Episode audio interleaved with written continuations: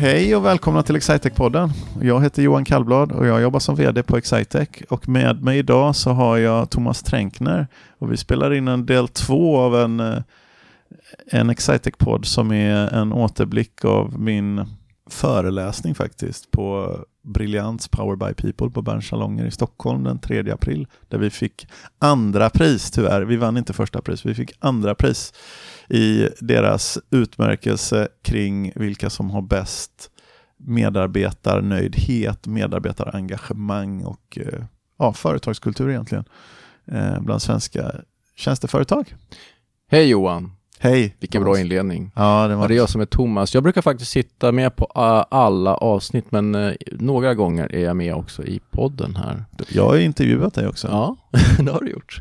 Uh, du som hör här, uh, gå tillbaka till förra avsnittet så hör du hela det här bakgrund, bakgrunden och även Johans, som vi sa då, orerande kring kring tankarna kring det här med HR och sälj. Ja. Thomas hade idén, jag, jag hade som förslag att avsnittet skulle gå under tema under tematiteln Direktör Kallblad orerar. Men Thomas föreslog att det skulle gå under tematiteln att eh, en, nu ska vi se, en bra försäljning är bra men en bra kultur är ännu bättre även för din försäljning. Ungefär så. Ja, det var ungefär så. Fast ja. jag menar på att bra, eh, bra HR eh, ger bättre sälj än bra sälj. Ja, ja ungefär så. Kanske, ja, kanske. Nu fortsätter vi. Nu fortsätter vi. Jo, du frågade, det var som egentligen skulle vara temat på förra avsnittet var att du skulle fråga mig om vad jag pratade om på scen. Och, ja. och jag pratade mer om varför jag var på scen faktiskt. och hur det kändes. Ja, och, och ja. hur det kändes och hur jag inledde. Men mitt tema handlade om att eh, hur man skulle nå fram till en vd egentligen eller jag ville prata lite specifikt för det var en stor publik av HR-människor. Och eh, jag ville prata om hur man kan nå fram till en vd med sådana här frågor om företagskultur som ju kan uppfattas som flummiga. Eh, och de är ju det, för jag menar i HR gör man ju massor av olika saker. Man jobbar, vi vet, vad gör HR? Jo, men man jobbar med kompetensförsörjning och man jobbar med employee brand, men man jobbar också med kanske med rehabilitering, man ja. jobbar med medarbetarnöjdhet, man jobbar med kompetensutveckling och man jobbar med kompensationsfrågor. Va? Och vdn är bara intresserad av kompensation. För att, och varför är det så då? För så tror jag att det är ganska ofta, för de andra är fluffiga. Jo, för kompensation det är siffror, det är någonting som man mäter. Mm. Så, att, så att därför är, är, står den i en särställning. Så jag tipsade egentligen om hur man kan använda då en medarbetarenkät för att få siffror på saker som är eh, som är till sin natur lite, lite fluffiga då, eller lite flummiga. Men, så jag har en favorit, eh, några exempel faktiskt på, som är relevant. Ta till exempel frågan om mitt jobb utvecklar mig. Ta en sån fråga. Det kan vi hålla med om. Det är viktigt va? för medarbetarnöjdhet. Att en medarbetare ska känna mitt jobb utvecklar mig. Det är viktigt. Okej, okay. så vad är rätt? Med 1 till 5, mitt jobb utvecklar mig. Vad är rätt nivå? Alltså, det låter som att äh, sätta högsta betyg är fel nivå. Ja, ja, men högsta betyg är nog någonting att sträva efter. Men min, min poäng för att sätta dig på pottkanten lite där, det är att det vet vi ju inte. Alltså vad är det? 1 till 5, mitt jobb utvecklar mig. Ja, högre är bättre, det är det vi vet. Men, det, men ingen kan säga så här, och det är 3,38 är idealvärdet, eller 4,18 är det perfekta snittvärdet på den här frågan. Eller om man, om man ställer frågan på det sättet. Men det man kan göra är att man kan ju mäta en utveckling. Mm. Så man kan ju titta på, om man, har, om man har något som är lite, om du ställer, använder samma fråga en gång i halvåret, en gång i kvartalet, en gång per år och sen så har du en målbild att vår personal ska uppleva att deras jobb utvecklar dem. Eller en annan fråga, jag får, jag får bra feedback på mitt arbete, det vet vi i tjänsteindustrin. Va? Feedback och granskning är egentligen de två mest kvalitetsdrivande saker man kan ägna sig åt. Och feedback är ju kanske trevligare än granskning. Men, men eh, eh, liksom det är sam samma sak där. Vad är den absoluta nivån på min upplevelse av hur mycket feedback jag får? Vilken är rätt nivå?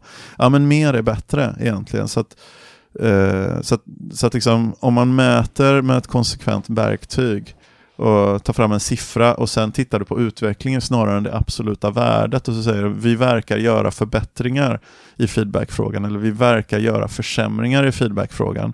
Då kan det vara enklare, tror jag, då, att prata med vdn om förbättringen, hur befäster vi den, försämringen, hur motverkar vi den? Det blir mer liksom actionable än det absoluta värdet.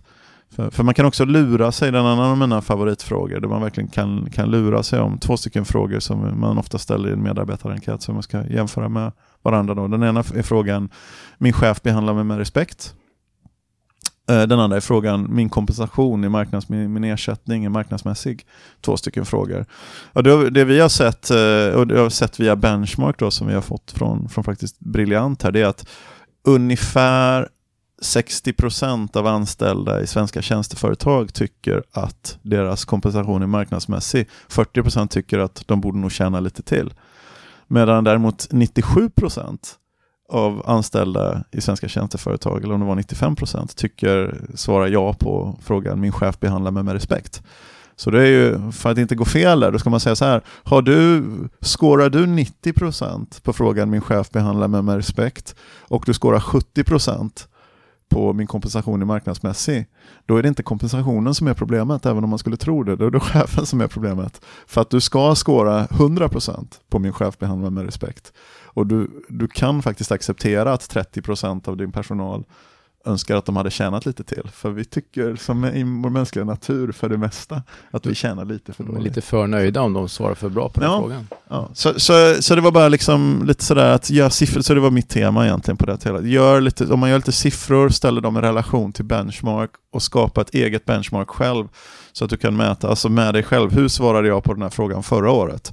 Och så vidare. Så att du kan du se, går jag relativt, gör jag relativt sett en förbättring eller gör jag relativt sett en försämring och sen gör du actionable åtgärder som kopplas till förbättringen du vill befästa och försämringen du vill du vill motverka då. Men eh, det här med enkäter har jag också kommit i kontakt med ganska många gånger och ibland har jag mött en viss skepsism i det här med att, eh, alltså det finns ju en fara i att eh, dels hur man tolkar resultaten men också vad man gör av resultaten. Ja, det är givetvis. Så så eh, ja, för dels tolkningen av resultatet, om du inte har benchmark med dig själv eller med någon annan, som jag, jag tycker att det är förändringen som är det viktiga när, mm. du, när du tittar på resultatet snarare än det absoluta eh, talet. Va?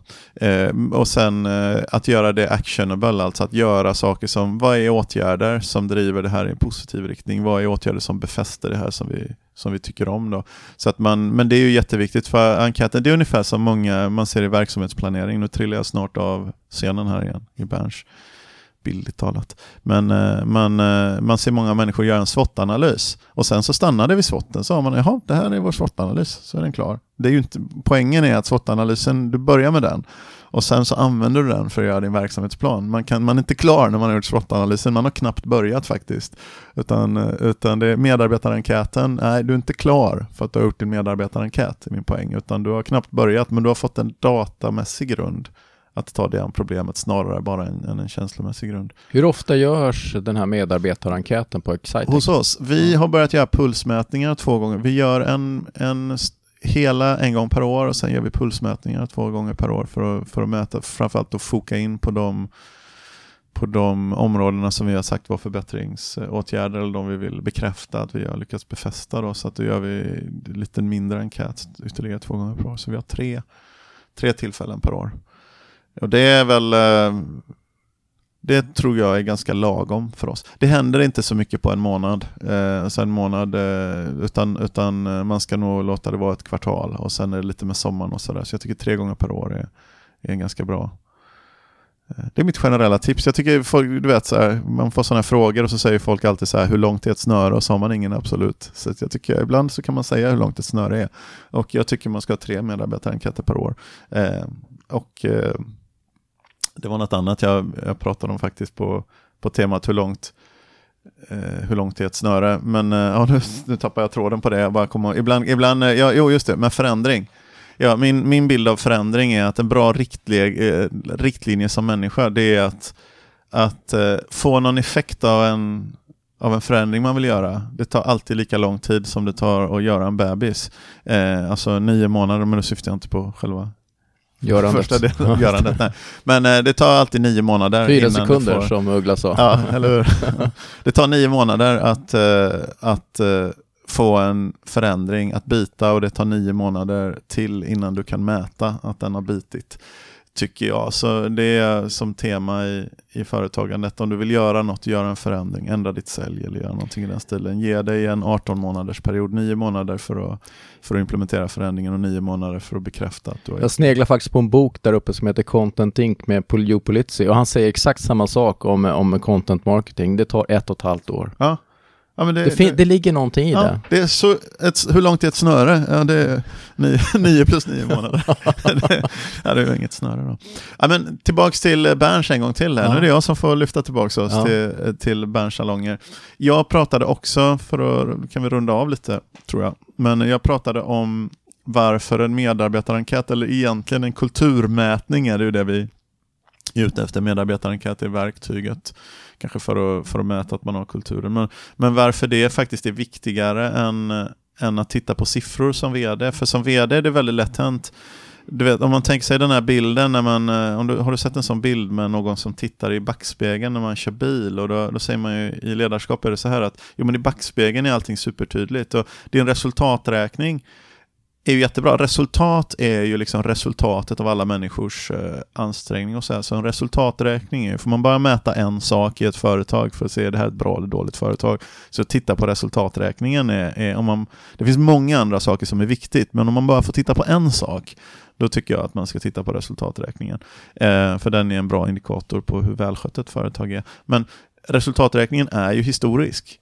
Så resultaträkningen är som att titta på hur vädret var igår för att bedöma hur vädret ska vara idag. Och det är ju, det är ju samma även med väder. Om du inte får läsa en prognos så är ju prognosen vädret imorgon blir nog likadant som idag. Det är ju, det är ju, 60% har jag hört att... för det mesta blir ja. vädret imorgon samma som, som idag. Så därför är ju, får man bara, om du inte får läsa en prognos och bara titta på en, på en sak, då får Mm. du titta på hur var vädret idag, när du gissar på hur vädret var imorgon. Ja. Och så är det med resultaträkningar.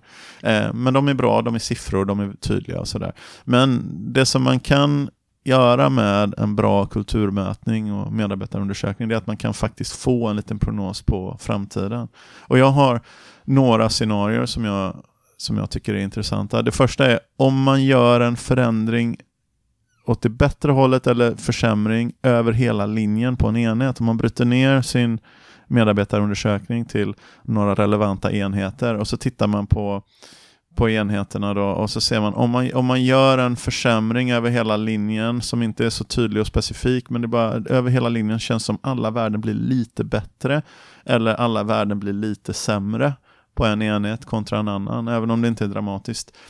Eh, den där lilla för, förbättringen, försämringen, den tycker jag ofta är ett tecken på lokalt ledarskap. Så gör man en liten förbättring över hela linjen, då har du nog ett bra lokalt ledarskap som du kan våga lita och rulla på. Även om inte resultaträkningen var riktigt där du ville ha den, så kan nog, det där kan nog, jag har nog ändå ett ledarskap som är rätt här. Jag kan våga lita på de här ledarna för resultatet kommer, om vi bara påminner oss om vad vi gör, vad vår business är, så, här, så kan nog resultatet komma för vi har nog ledarskapsgrunden att få det. Samma sätt en försämring, då är det ju då är det kanske det omvända, då kanske vi måste titta på ledarskapssidan. Vi kanske inte ska bli, vi är nöjda över resultatet och vi hoppas att det fortsätter, men vi har tecken här nu på att det lokala ledarskapet inte är där det ska vara. Jag ska nog åtgärda det. Men det är ingen ko på isen så länge det är små förändringar. Alltså. Ja, så länge det, ja, det kan det ju vara, va? men så länge det är små förändringar, ingen ko på isen, men det kan vara det som ger mig liksom den inputen till att börja jobba med den här frågan. Vem är nästa ledare? Vilka andra ledare har jag? Kan jag lyfta någon? Kan, vi delegera? kan jag börja jobba med frågan så att det inte behöver bli så att min resultaträkning raseras, det går dåligt och att jag sen liksom ska börja agera i panik. Utan, utan kan jag få lite, lite känsla innan. Ledar, dåligt bra ledarskap behöver inte bara handla om att sparka någon, lyft någon, utan det kan ju handla om att ge vilka verktyg, kan vi tillföra verktyg, finns det någon annan, kan vi delegera arbetet, kan vi jobba på andra sätt? Liksom. Så man, man får en chans liksom, och få reda, man får en tidygnsprognos liksom, och där man kan jobba lite grann med, med att ja, vi kanske ska börja regna, men om vi har ett paraply så kanske det inte gör så mycket att det regnar och så vidare. Liksom, den, den delen. Sen har jag en annan sak som är intressant och det är ju de, de gånger, den här är jobbigare, de gångerna man får en kraftig avvikelse på en lokal enhet på frågor som egentligen är samma för alla. Typ informationen från ledningen är bra. Om liksom fyra orter, i mitt fall har jag många orter, om fyra orter säger ja, informationen från ledningen är bra, om femte ort säger den är dålig. Eh, eller, eller någonting annat, liksom. Vår, vår- våra kickoffer är bra. kulturutbyte, vårt kompetensområdesarbete som är nationellt då i vårt fall funkar bra. Liksom. Om fyra orter säger, säger topp, tipptopp och en ort säger det funkar inte bra. Då är det, då är det kulturbrist på den orten, då är det bara foundation här. Då är det ingen idé att hoppas som mitt gamla lärdom. Det är ingen idé att hoppas på att du ska kunna vara lite noggrann och driva sälj bara, som vi pratade om i förra avsnittet. Utan då har jag en kulturbrist eh, eller ett kulturglapp, då måste jag jobba med den frågan. Det är väldigt svårt. Det är enklare att jobba med ledarskap faktiskt. Väldigt svårt, men det är ändå en, en stor, stor varningssignal för mig att se att se en sån här fråga som faktiskt är, en sak är ju liksom, är mitt kontor bra? Ja men det kan ju faktiskt vara att vi har ett dåligt kontor i Linköping och ett bra i Stockholm, det kan ju stämma, men, men sån information, sådana frågor som verkligen är samma för, eh, för alla, liksom, där det inte är någon skillnad. Vad gör du när du ser de här avvikelserna? När jag ser kulturbrist? Ja. Eh, det blir nästan en tredje, tredje avsnitt av det. Men jag kan säga så här, det är väldigt, väldigt svårt att hantera och det går ner på Eh, personerna och lagsammansättningen egentligen man, eh, och, och, hur man eh, delar på det. I värsta fall så har jag fått dela upp team egentligen och, och ha team Det finns en del inom idrottens värld som säger att man kan ha man kan ha en goofball i varje lagdel liksom, i, i betydelsen. Du kan ha en, eh, men du kan inte ha, eller i varje lag ibland, liksom, men du kan ha i varje femma kan du ha en, eh, om man spelar hockey kanske, så kan du ha en udda person, det funkar bra, men när de börjar bli två, då börjar de göra eh, då börjar det, det liksom föda, det som inte funkar börjar föda varandra och så drar det ofta iväg hela gruppen i fel Sen får man ju också tänka på att du är ju VD för 160-170 pers ja, ja. och du har ju en ledningsgrupp och du har ju liksom andra som har som jobb också att vara ledare. Absolut. Så att du inte lägger i för mycket. Ja, absolut. Måste du tänka på det ibland? Uh, oj, hela tiden. Nästan. det vet du Thomas, ja. jag måste tänka på. Så, men jag har en väldigt, väldigt bra och erfaren ledningsgrupp, men det, man är inte exakt lika erfaren i alla frågor ja. hela tiden. Så det handlar mycket om att balansera också och se till att rätt person handlar om rätt sak. Men, men det var i alla fall min, min, eh, min jag, jag sa så här som tema då, fem, eh, fem myror är fler än fyra elefanter sa jag inte, men jag hade faktiskt en bild därifrån. Men jag sa att en en med, bra medarbetarundersökning, eller helst tre per år, då, kan säga mer än tusen magkänslor. Um, eller en tio magkänslor i alla fall. Tusen magkänslor kanske säger en del. Och sen så pratade jag om att uh, kulturmätning kan faktiskt uh, användas som en prognos. Och, och, även om det inte är lika bra och tydligt som, som det är när man uh, tittar på resultaträkningar, som ju alltid är supertydliga, så, så är prognosen Eh, för framtiden väldigt eh, användbar att ha för man kan faktiskt hitta en del saker och guidas att ta rätt beslut innan resultaträkningen har hunnit bli dålig. Och sen så rekommenderar jag alla HR-chefer att säga det med siffror för det är enklare att kommunicera med vd med siffror. Som en händelse så har jag en bok här på bordet som heter Datadriven mark marknadsföring och då tänker jag datadriven HR kanske vore något. Så absolut! Där du Thomas, Sätt den datadriven HR. Det tror jag är, det är många som har tjänat stora pengar på datadriven marknadsföring. Så ja. datadriven HR tror jag är, det är ett, ett, ett uh, riktigt bra ämne faktiskt. Ja. Det kanske är lite sammanfattningen av det du gör, alltså sätt siffror, kvantifiera sånt som är lite flummigt.